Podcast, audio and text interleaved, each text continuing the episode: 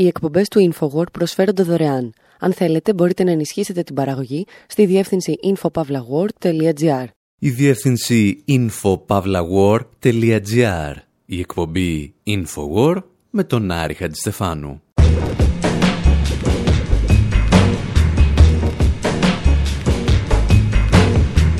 όπου σήμερα παίζουμε video games μέχρι εξαντλήσεως του αντιπάλου.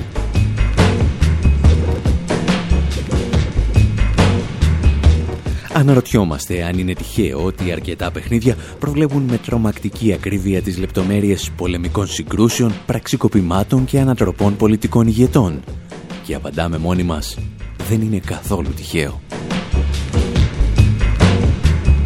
Παρατηρούμε ότι το Αμερικανικό Πεντάγωνο χρησιμοποιεί video games για να στρατολογεί πεζοναύτες, αλλά ακόμη και χειριστές drone, που σκοτώνουν ανθρώπους σε απόσταση εκατοντάδων χιλιάδων χιλιόμετρων, σαν ηλεκτρονικό παιχνίδι. Αναρωτιόμαστε τι σχέση μπορεί να έχουν όλα αυτά με τον Bono, τον U2 και τον Eminem. Και υποθέτουμε ότι ο Tom Cruise στο Top Gun είναι πλέον ένας δεινόσαυρος που απειλείται με εξαφάνιση. Ένας καγκουρόσαυρος.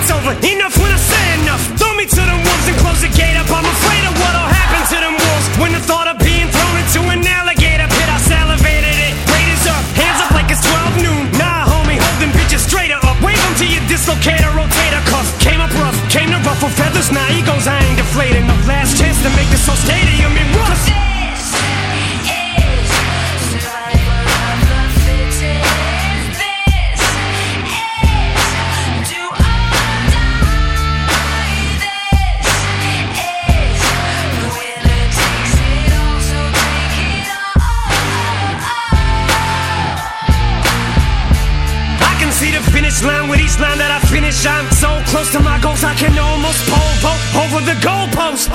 And if I don't got enough in the tank, maybe I can just siphon enough to fill up this last can. Man, will I survive in this climate or what? They said I was washed up and got a bloodbath. I'm not a rapper, I'm an adapter. I can adjust.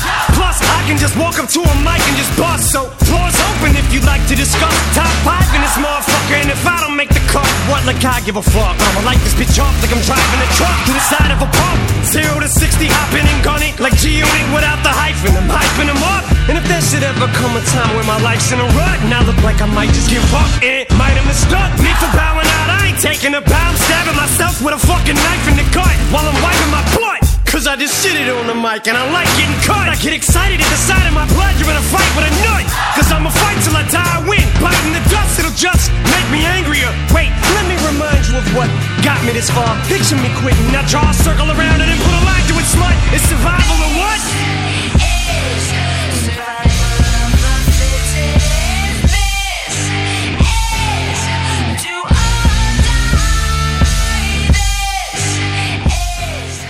Ο Eminem σε μία από τις πιο δαρδινικές στιγμές της καριέρας του τραγουδάει για την επιβίωση του ισχυρότερου.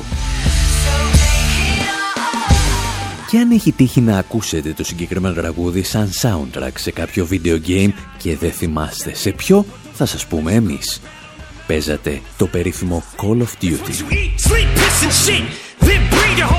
Και γι' αυτό είστε οι καλύτερα καταρτισμένοι για να κατανοήσετε τις δηλώσεις που ακολουθούν. Ellos dicen que sobre la mesa, lo dice Donald Trump desde Estados Unidos, principal responsable Donald Trump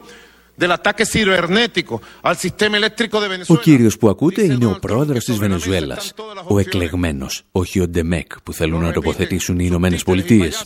Ο Νικολάς Μαδούρο καταγγέλλει σε ομιλία του ότι η Ουάσιγκτον ενορχήστρωσε κυβερνοεπίθεση για να πλήξει τις εγκαταστάσεις του υδροελεκτρικού σταθμού στο Γκούρι. Μια επίθεση που βύθισε ολόκληρη τη Βενεζουέλα στο σκοτάδι. Το πρόβλημα ήταν ότι μόλις οι αρχές της Βενεζουέλας μίλησαν για κυβερνοεπίθεση στον Κούρι, αρκετοί παίκτες video games είπαν «Συγγνώμη, εγώ αυτό το σενάριο το έπαιζα στον υπολογιστή μου το 2013». Και είχαν απόλυτο δίκιο. Γιατί, όπως μας θύμιζε προημερών ρεπορτάζ της ηλεκτρονικής σελίδας Grey Zone, το video game με τίτλο Call of Duty προέβλεπε αυτό ακριβώς που συνέβη. Διακοπή της λειτουργίας του υδροηλεκτρικού σταθμού στο Γκούρι. Venezuelan citizen journalists Orlenis Ortiz and Sancocho Power have drawn attention to the similarity between the plot of a 2013 first-person shooter game. Βενεζουελάνοι δημοσιογράφοι αφήσαν την προσοχή στι ομοιότητες που υπάρχουν ανάμεσα στο σενάριο ενός video game που ονομάζεται Call of Duty Ghosts και στο σαμποτάζ που πραγματοποίησαν οι ΗΠΑ εναντίον της Βενεζουέλας το Μάρτιο. Το Call of Duty εκτελείστε σε ένα δυστοπικό μέλλον μετά την καταστροφή της Μέσης Ανατολής από πυρηνικά όπλα. Ένας στρατηγός από τη Βενεζουέλα αναλαμβάνει την εξουσία και ιδρύει μια ομοσπονδία κρατών σοσιαλιστικού τύπου που εξαπλώνεται στη Λατινική Αμερική σαν αρρώστια. Ενσωματώνει όλες τις πετρελοπαραγωγούς χώρες και εκδιώκει τους Αμερικάνους πολίτες. Ο παίκτης ανήκει στις δυνάμεις καταδρομών των ΗΠΑ. Εισβάλλουν στη χώρα, δολοφονούν τον σοσιαλιστή ηγέτη και διαλύουν την Ομοσπονδία. Οι ειδικές δυνάμεις των ΗΠΑ ξεκινούν την επίδεση πετώντας μια ρουκέτα σε ένα φράγμα που θυμίζει το φράγμα Γκούρι στη Βενεζουέλα και ένα κύμα τρόμο επικρατεί στο Καράκα. Η πόλη του Καράκα έχει αναπαρασταθεί με απόλυτη λεπτομέρεια και στους τοίχου φαίνονται ακόμα και γκράφη των οπαδών του Τσάβες. Η αποστολή τελειώνει με την εκτέλεση του ηγέτη της Βενεζουέλας με μια σφαίρα στην πλάτη σε slow motion. Και για όσους δεν ήταν σίγουροι για το μήνυμα, ο ηγέτης φοράει ένα κόκκινο μπερέ, όπως ο Ούγκο Τσάβες. Σε επόμενη αποστολή, ο παίκτης επιστρέφει στο Καράκας, εισβάλλει σε ένα σταθμό παραγωγής ηλεκτρικής ενέργειας και βάζει έναν ιό στο ηλεκτρικό δίκτυο, δίδυζοντα την πόλη στο σκοτάδι.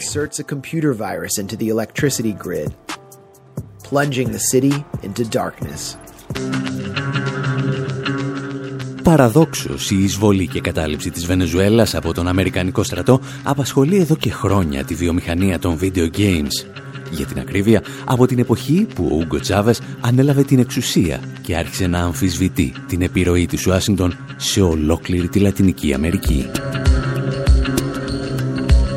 Για να μπείτε όμως καλύτερα στο κλίμα, πρέπει πρώτα να ακούσετε αυτό. Oh no, no, oh no, yo, yo, yo, oh no, you didn't. Sucker tried to play me, but you never paid me, never. Oh no, you didn't. Payback is a coming, you will be running forever. Oh no, you did. Until I get my vengeance, I will never end this mayhem. Oh no, you did. I'm a mercenary, you ain't got a prayer, you owe me.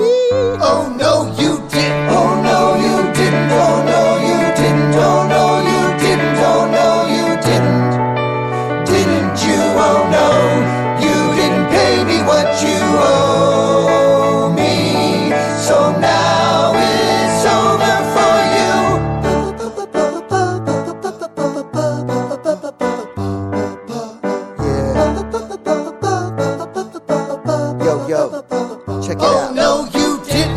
First you try to trap me, then you bust a cap in my ass.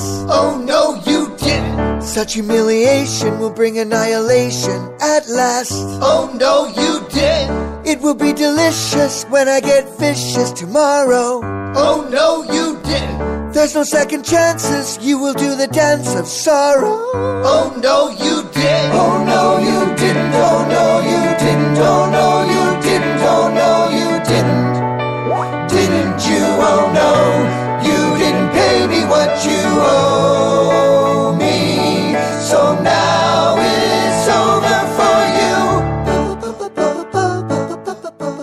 Αν αυτό που ακούτε σας φαίνεται σαν ένα χαρούμενο γλυκό τραγουδάκι, είναι γιατί τόση ώρα χαζεύετε και δεν προσέχατε τους στίχους.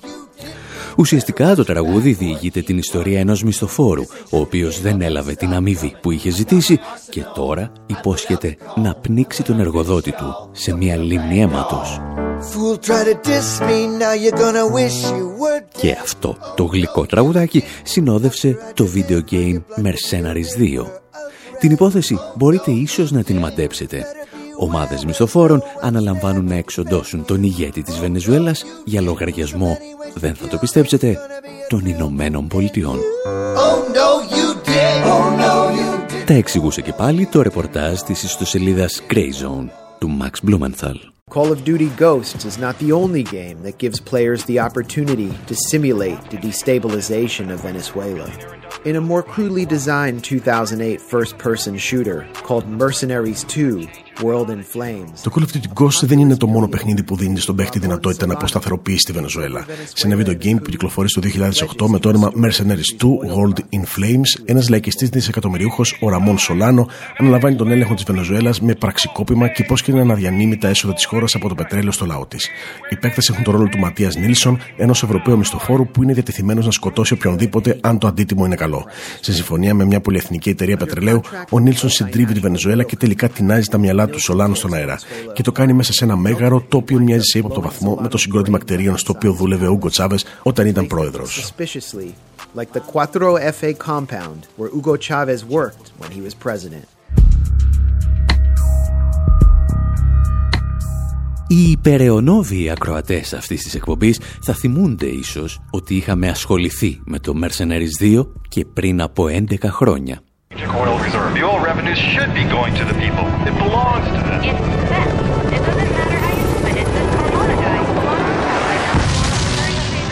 Το πρώτο πράγμα που μας είχε προκαλέσει τότε το ενδιαφέρον ήταν ότι ένας από τους ανθρώπους που χρηματοδότησαν το παιχνίδι ήταν και ο Μπόνο, ο τραγουδιστής των YouTube, ο πιστός αυλοκόλακας κάθε μεγάλου ηγέτη της δύσης. Συνεχίζοντας όμως την έρευνα διαπιστώσαμε ότι κάποιοι άλλοι συντελεστές του παιχνιδιού είχαν ακόμη μεγαλύτερο ενδιαφέρον. Η εταιρεία Pandemic λόγου που δημιούργησε το Mercenaries 2 συνεργάζονταν με το Αμερικανικό Πεντάγωνο σε προγράμματα εκατομμυρίων δολαρίων. Θα δούμε στο δεύτερο μέρος της εκπομπής γιατί ο Αμερικανικός στρατός να επενδύει κολοσιαία ποσά στη βιομηχανία των video games. Γιατί πρώτα έχουμε να παρουσιάσουμε ένα τρίτο και τελευταίο παράδειγμα. Από εκείνες τις στιγμές που τα video games είναι βγαλμένα από τη ζωή στο State Department. Αυτή τη φορά την εισαγωγή στο θέμα κάνουν οι Imagine Dragons με το Friction.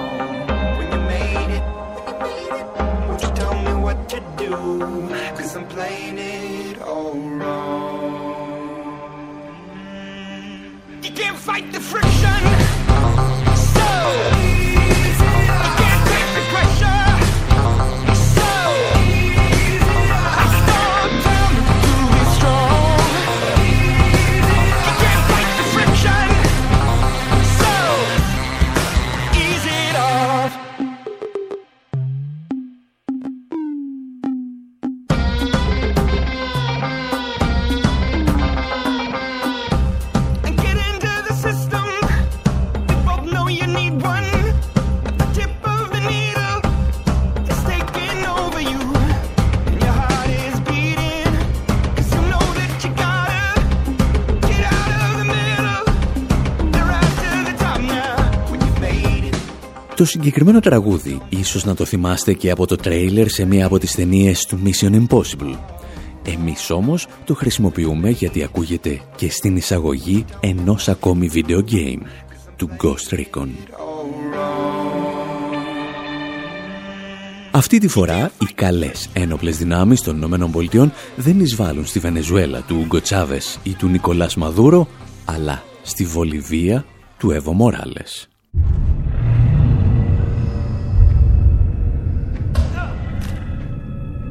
Most of us fear death. Trafficking poison across South America. Corroding governments. How do you fight an enemy that doesn't fear death? Maybe you hunt them from the clouds. Στο Ghost Recon, ομάδες της CIA εισβάλλουν στη χώρα για να βοηθήσουν ομάδες ανταρτών να απελευθερώσουν τον τοπικό πληθυσμό από μια διεφθαρμένη, όπως λένε, κυβέρνηση, η οποία ελέγχεται, όπως λένε, από βαρόνους ναρκωτικών. Και εσάς αυτό το σενάριο μπορεί να μην σας θυμίζει κάτι. Λέει όμως πολλά περισσότερα στον αληθινό πρόεδρο της Βολιβίας. Το 2008, λίγο μετά την εκλογική του νίκη, ο Εύω Μοράλες απέλασε τον πρέσβη των Ηνωμένων Πολιτειών στη Λαπάζ με την κατηγορία ότι ενορχίστρωσε την εξέγερση ένοπλων ομάδων σε αρκετές επαρχίες της χώρας. Αν θυμάστε, όπως εξηγήσαμε και σε πρόσφατη εκπομπή, το 2008 στις πλουσιότερες επαρχίες της χώρας που ζητούσαν μεγαλύτερη αυτονομία, η αντιπολίτευση κατέφυγε σε ακραίες μορφές βίας. Οι δεξιοί κυβερνήτες οργάνωναν καταλήψεις κτηρίων, κατέστρεφαν δημόσια περιουσία και έκλειναν αγωγούς φυσικού αερίου.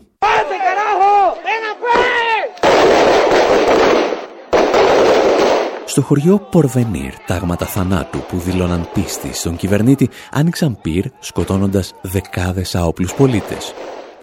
Και όπως εξηγούσε τότε ο Τζιμ Σούλτς, μέλος του Ιδρύματος για τη Δημοκρατία στη Βολιβία, ο Αμερικανός πρέσβης έτυχε να βρεθεί στην περιοχή των επεισοδίων λίγες μόλις ώρες πριν αυτά ξεσπάσουν.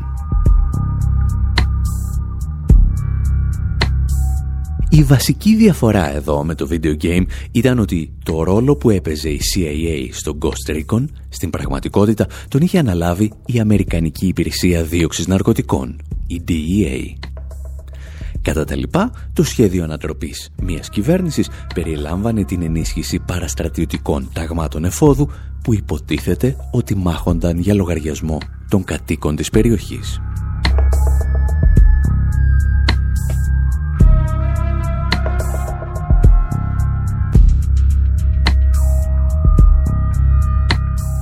Δύο video games λοιπόν προέβλεπαν την εισβολή Αμερικανικών δυνάμεων στη Βενεζουέλα και ένα τρίτο μυστικές επιχειρήσεις στο εσωτερικό της Βολιβίας.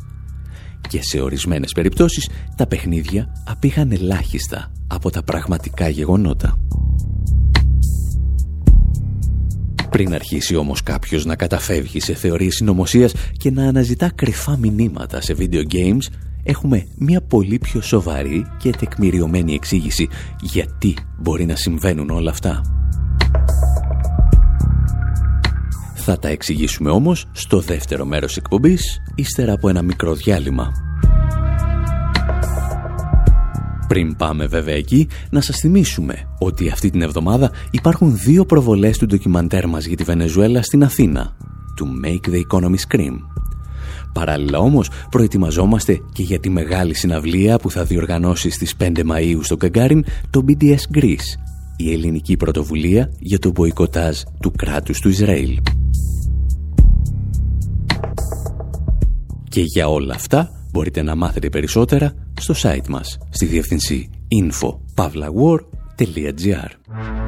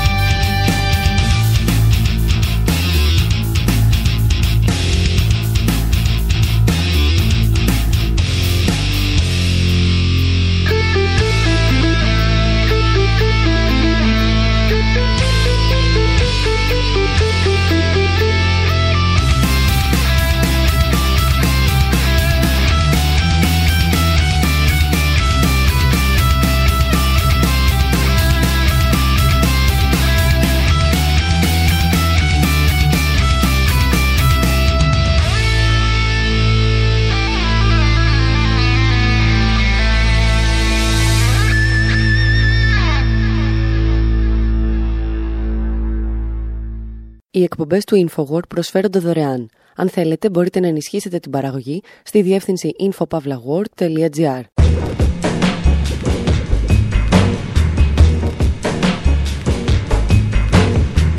Εκπομπή InfoWord, μέρος δεύτερο. όπου αφού είδαμε τρία διάσημα video games να περιγράφουν με τρομακτική ακρίβεια πολιτικές εξελίξεις στη Λατινική Αμερική, θέλουμε να μάθουμε πώς ακριβώς απέκτησαν αυτές τις μαντικές ικανότητες. Και για να το πετύχουμε θα πρέπει να πιάσουμε την ιστορία των video games από τη δεκαετία του 60.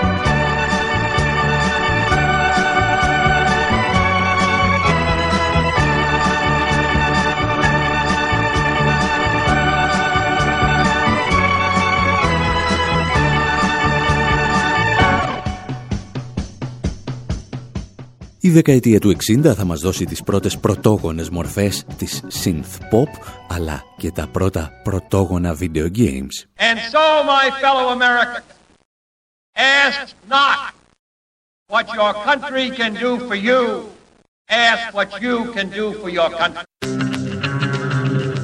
Το 1961, όταν ο πρόεδρος Κέννεντι καλούσε τους Αμερικανούς πολίτες να διερωτηθούν τι μπορούν να κάνουν για την πατρίδα τους, Ορισμένοι καθόντουσαν μπροστά σε έναν υπολογιστή και έβαζαν κάτι τελείες να τσακώνονται σε μια οθόνη. Τουλάχιστον έτσι φαντάζεις στις νέες γενιές των gamers το λεγόμενο Space Wars, το πρώτο video game της ιστορίας. Οι παίκτες κινούσαν ένα μικρό διαστημόπλιο και έπρεπε να διαλύσουν το διαστημόπλιο του αντιπάλου, ενώ και τα δύο σκάφη έπρεπε να αποφύγουν το βαρυτικό πεδίο ενός αστεριού.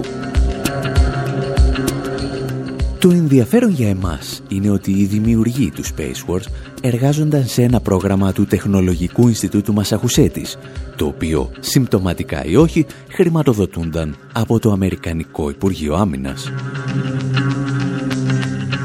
Και κάπως έτσι ξεκίνησε η αθώα σχέση του Πενταγώνου με τη βιομηχανία των video games. Μέχρι τη στιγμή που το παιχνίδι άρχισε να χοντρένει.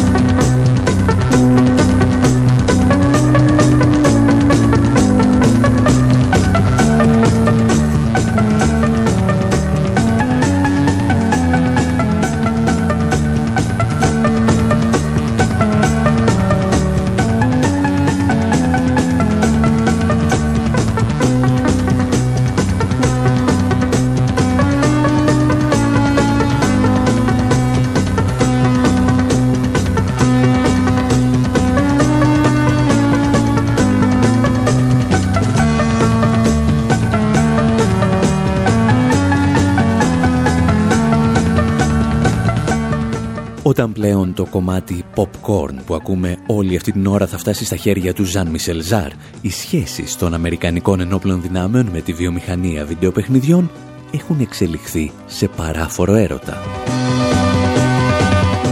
Στα χρόνια του ψυχρού πολέμου, καθώς ο Αμερικανικός στρατός στηριζόταν όλο και συχνότερα σε προσωμιωτές μαχών, επιτελείς του Πενταγώνου διαπίστωσαν ότι ήταν πολύ οικονομικότερο να αναθέτουν το σχεδιασμό αυτών των προγραμμάτων σε εταιρείες video games. Και φυσικά οι ίδιες εταιρείες στη συνέχεια έβγαζαν παρεμφέρει παιχνίδια και για το ευρύ κοινό. Μέχρι τη στιγμή που τα όρια ανάμεσα στο τι είναι παιχνίδι, τι είναι προσωμιωτής του Πενταγώνου, τι είναι μηχανισμό στρατολόγησης και εργαλείο προπαγάνδας, έγιναν πάρα πολύ αχνά και δυσδιάκριτα. Πριν από 10 χρόνια είχα συναντήσει τον ερευνητή Βιτ Σίσλερ από το Πανεπιστήμιο του Καρόλου στην Πράγα, ο οποίος μελετά εδώ και χρόνια την εξέλιξη των video games και ξεκίνησε λέγοντάς μου μια περίεργη ιστορία από τα παιδικά του χρόνια. Τότε που στα παιχνίδια του έπρεπε να καταστρέφει την πόλη στην οποία γεννήθηκε. Θυμάμαι ένα παιχνίδι από τα παιδικά μου χρόνια που λεγόταν NATO Commander. Ήταν ένα παιχνίδι στρατηγική το οποίο έπρεπε να εισβάλλει στην Ανατολική Ευρώπη με απότερο στόχο να καταλάβει τη Σοβιετική Ένωση. Ήμουν 10 χρονών και έπαιζα ένα παιχνίδι στο οποίο έπρεπε να καταστρέψω την Πράγα, την πόλη στην οποία ζούσα.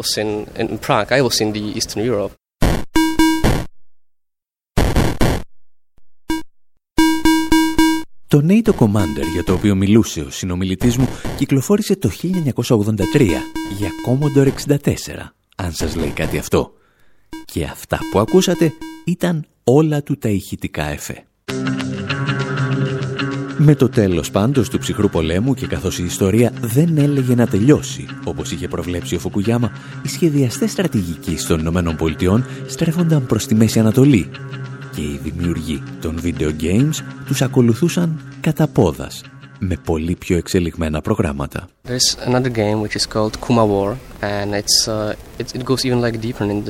Υπάρχει ένα άλλο παιχνίδι το οποίο ονομάζεται Kuma War, το οποίο στηρίζεται σε πραγματικά γεγονότα και κυρίως τον πόλεμο στο Ιράκ. Κάθε μήνα μπορείς να κατεβάσεις από το ίντερνετ μια νέα αποστολή, την οποία έχει ήδη πραγματοποιήσει ο Αμερικανικός στρατός. Ουσιαστικά εσύ ως παίχτης ξαναγράφεις την ιστορία μέσα από τα μάτια των Αμερικανών στρατιωτών.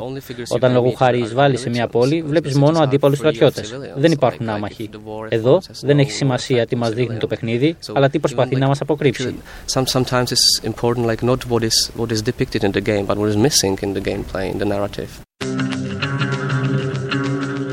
Σε αρκετές περιπτώσεις τα παιχνίδια με τα οποία εκπαιδεύονταν βρίζοντας ξένοι φαντάροι περνούσαν με ελάχιστες τροποποιήσεις στην αγορά των video games.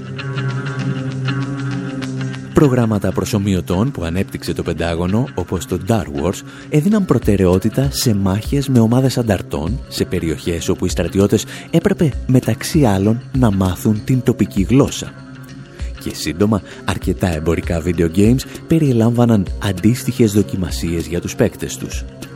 Πάντα βέβαια αντικατόπτριζαν αλλά και ηρωοποιούσαν τα άνδρα των Αμερικανών στρατιωτών στα πεδία των μαχών. Όπως ακριβώς τα περιέγραφε και το Star Wars. Αυτή η ταύτιση του περιεχομένου των παιχνιδιών με τους προσωμιωτές του στρατού σημαίνει ότι στελέχη από τη βιομηχανία των video games αρχίζουν να μεταπηδούν προς τις ένοπλες δυνάμεις, αλλά και το αντίστροφο. Ορισμένα από τα βιντεοπαιχνίδια που εξετάσαμε στο πρώτο μέρος, όπως το Call of Duty και το Mercenaries 2, είναι χαρακτηριστικά παραδείγματα. Μας τα εξηγεί και πάλι το ρεπορτάζ του Grey Zone. Like so many first person shooter games, Call of Duty and Mercenaries 2 were developed with substantial input from America's military intelligence apparatus. Όπως πολλά άλλα video games, το Call of Duty και το Mercenaries 2 δημιουργήθηκαν με τη σημαντική συνεισφορά του στρατού και των υπηρεσιών πληροφοριών της Αμερικής. Το 2003, όταν ο λεγόμενος πόλεμος κατά της ορμοκρατίας βρισκόταν στην αρχή του, η εταιρεία Pandemic Studios που είχε δημιουργήσει το Mercenaries 2 υπέγραψε συμβόλαιο συνεργασίας στο πλαίσιο ενός project αξίας 45 εκατομμυρίων δολαρίων που είχε σχεδιαστεί από το στρατό με σκοπό να συνδέσει την ακαδημαϊκή κοινότητα με τις εταιρείες βιντεοπαιχνιδιών. Μια δεκαετία αργότερα, ο δημιουργός του Call of Duty, Dave Anthony, προσλήφθηκε από έναν πρώην αξιωματούχο του Πενταγώνου, τον Steven Gradman, ως σύμβολος για το πρόγραμμα The Art of Future War, μια πρωτοβουλία του ανεπίσημου think tank του ΝΑΤΟ στην Ουάσιγκτον, το Atlantic Council. Το πρόγραμμα συμβουλεύτηκε επίσης ο Oliver North, τον δεξιό αξιωματούχο του Αμερικανικού στρατού, ο οποίος στη δεκαετία του 80 είχε καταδικαστεί για κακούργημα για τη συμμετοχή του στην αποσταθεροποίηση της Κεντρικής Αμερικής.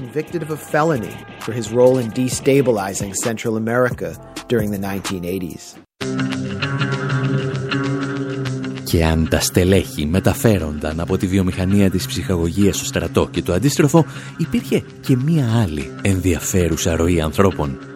Ορισμένοι gamers γίνονταν αληθινοί στρατιώτες και άρχισαν να σκοτώνουν πραγματικούς ανθρώπους. Ακούμε το σχετικό ρεπορτάζ από τους Muse και επιστρέφουμε.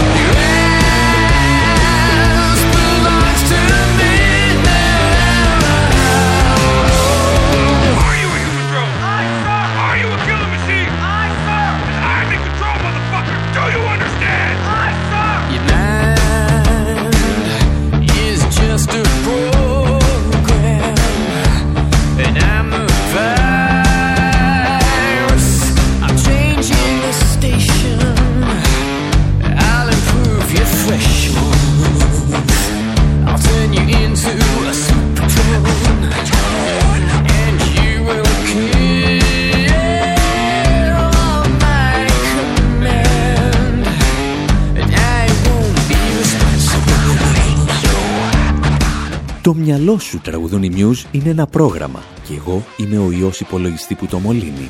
Θα σε μετατρέψω σε ένα super drone. Θα σκοτώνεις υπό τις διαταγές μου, αλλά εγώ δεν θα φέρω καμία ευθύνη.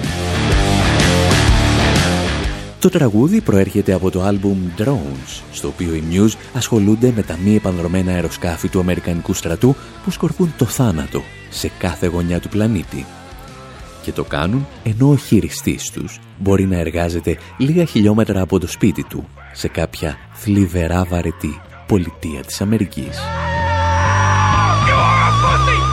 Το συγκεκριμένο τραγούδι όμως εστιάζει στο πώς το Αμερικανικό Πεντάγωνο χρησιμοποιεί τα ηλεκτρονικά παιχνίδια για να στρατολογεί πιλότους drones. Και αυτή ακριβώς η ιστορία ήταν και το θέμα του ντοκιμαντέρ Drone που κυκλοφόρησε πριν από μερικά χρόνια στις Ηνωμένες Πολιτείες. Σκηνοθέτης του ντοκιμαντέρ εξηγούσε στο Democracy Now! πώς ακριβώς λειτουργεί αυτή η διαδικασία στην πραγματικότητα. The gamers have been incredibly important for the US military and uh, they have been targeting gamers in their recruiting strategies. Οι gamers ήταν πάντα σημαντικοί για τον Αμερικανικό στρατό, uh, ο οποίος την τελευταία δεκαετία uh, στοχεύει σε αυτούς όταν αναζητά να στρατολογήσει προσωπικό. Η πρακτική αυτή είχε μεγάλη επιτυχία και τώρα διαδίδεται σε όλο τον κόσμο.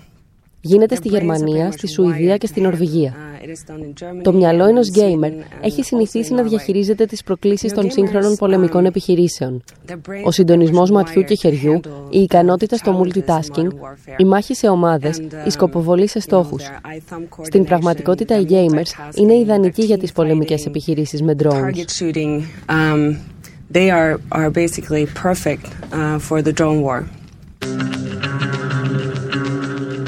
Στο ίδιο ντοκιμαντέρ, ο πιλότος της Αμερικανικής πολεμικής αεροπορίας, Μίση Cummings, εξηγεί ότι η διαδικασία στρατολόγησης γινόταν στο παρελθόν και από το Hollywood. Υπάρχει όμως μια ειδοποιώς διαφορά. Οι gamers, λέει, είναι έτοιμοι να χειριστούν μη επανδρομένα αεροσκάφη. Video gamers do have a skill set that is very important and actually enhances the skill set. Οι παίκτες βιντεοπαιχνιδιών έχουν μία σειρά από δεξιότητες που είναι πολύ σημαντικές και βελτιώνουν τις δεξιότητες των χειριστών των drones. Πιστεύω ότι δεν χρειαζόμαστε πια πιλότους από το Top Gun, αλλά από την ταινία «Η εκδίκηση των Nerds».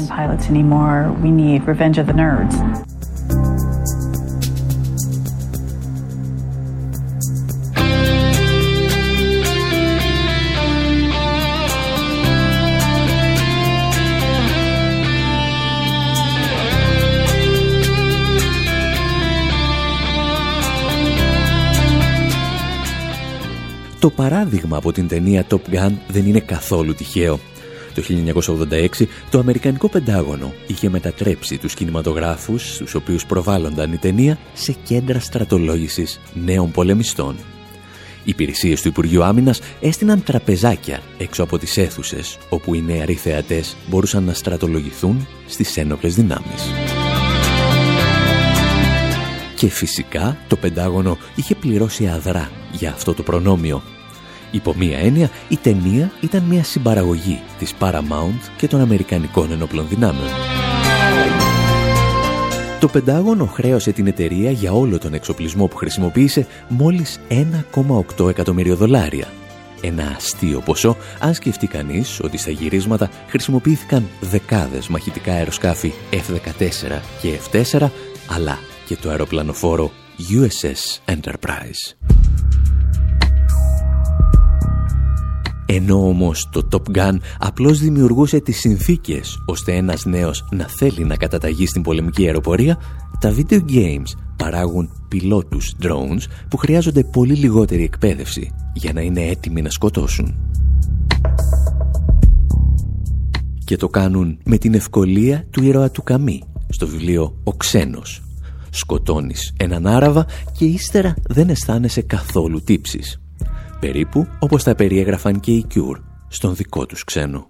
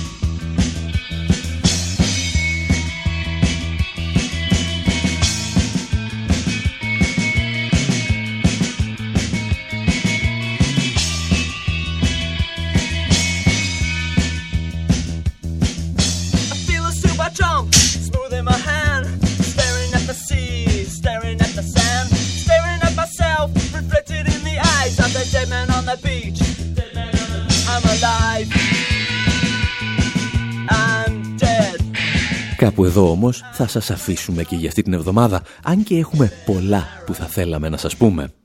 Όπως ότι αυτή την Κυριακή και την Τρίτη έχετε μια τελευταία ευκαιρία να δείτε σε κινηματογράφο στην Αθήνα το ντοκιμαντέρ μας για τη Βενεζουέλα με τίτλο «Make the Economy Scream» στον κινηματογράφο Τριανών. Επίσης, θέλαμε να σας πούμε ότι στις 5 Μαΐου ετοιμάζεται η μεγάλη συναυλία στον Γκαγκάριν υπέρ των Παλαιστινίων είναι ουσιαστικά η συνέχεια του μηνύματος που έστειλε ο Ρότζερ Waters στην Κατερίνα Ντούσκα να μην συμμετάσχει στον φετινό διαγωνισμό της Eurovision. Και με αυτό σας χαιρετάμε, θυμίζοντάς σας ότι πληροφορίες για όλες αυτές τις εκδηλώσεις θα βρείτε και στη διεύθυνσή μας info.pavlawar.gr Μέχρι την άλλη εβδομάδα, από τον Άρη Χατζηστεφάνου στο μικρόφωνο, την Μυρτώ Σιμεωνίδους σε μεταφράσεις και τον Δημήτρη Σαθόπουλο στην τεχνική επιμέλεια, γεια σας και χαρά σας. Να πας εκεί στο Τελαβίβ θα ήταν ένα μεγάλο λάθος, νομίζω.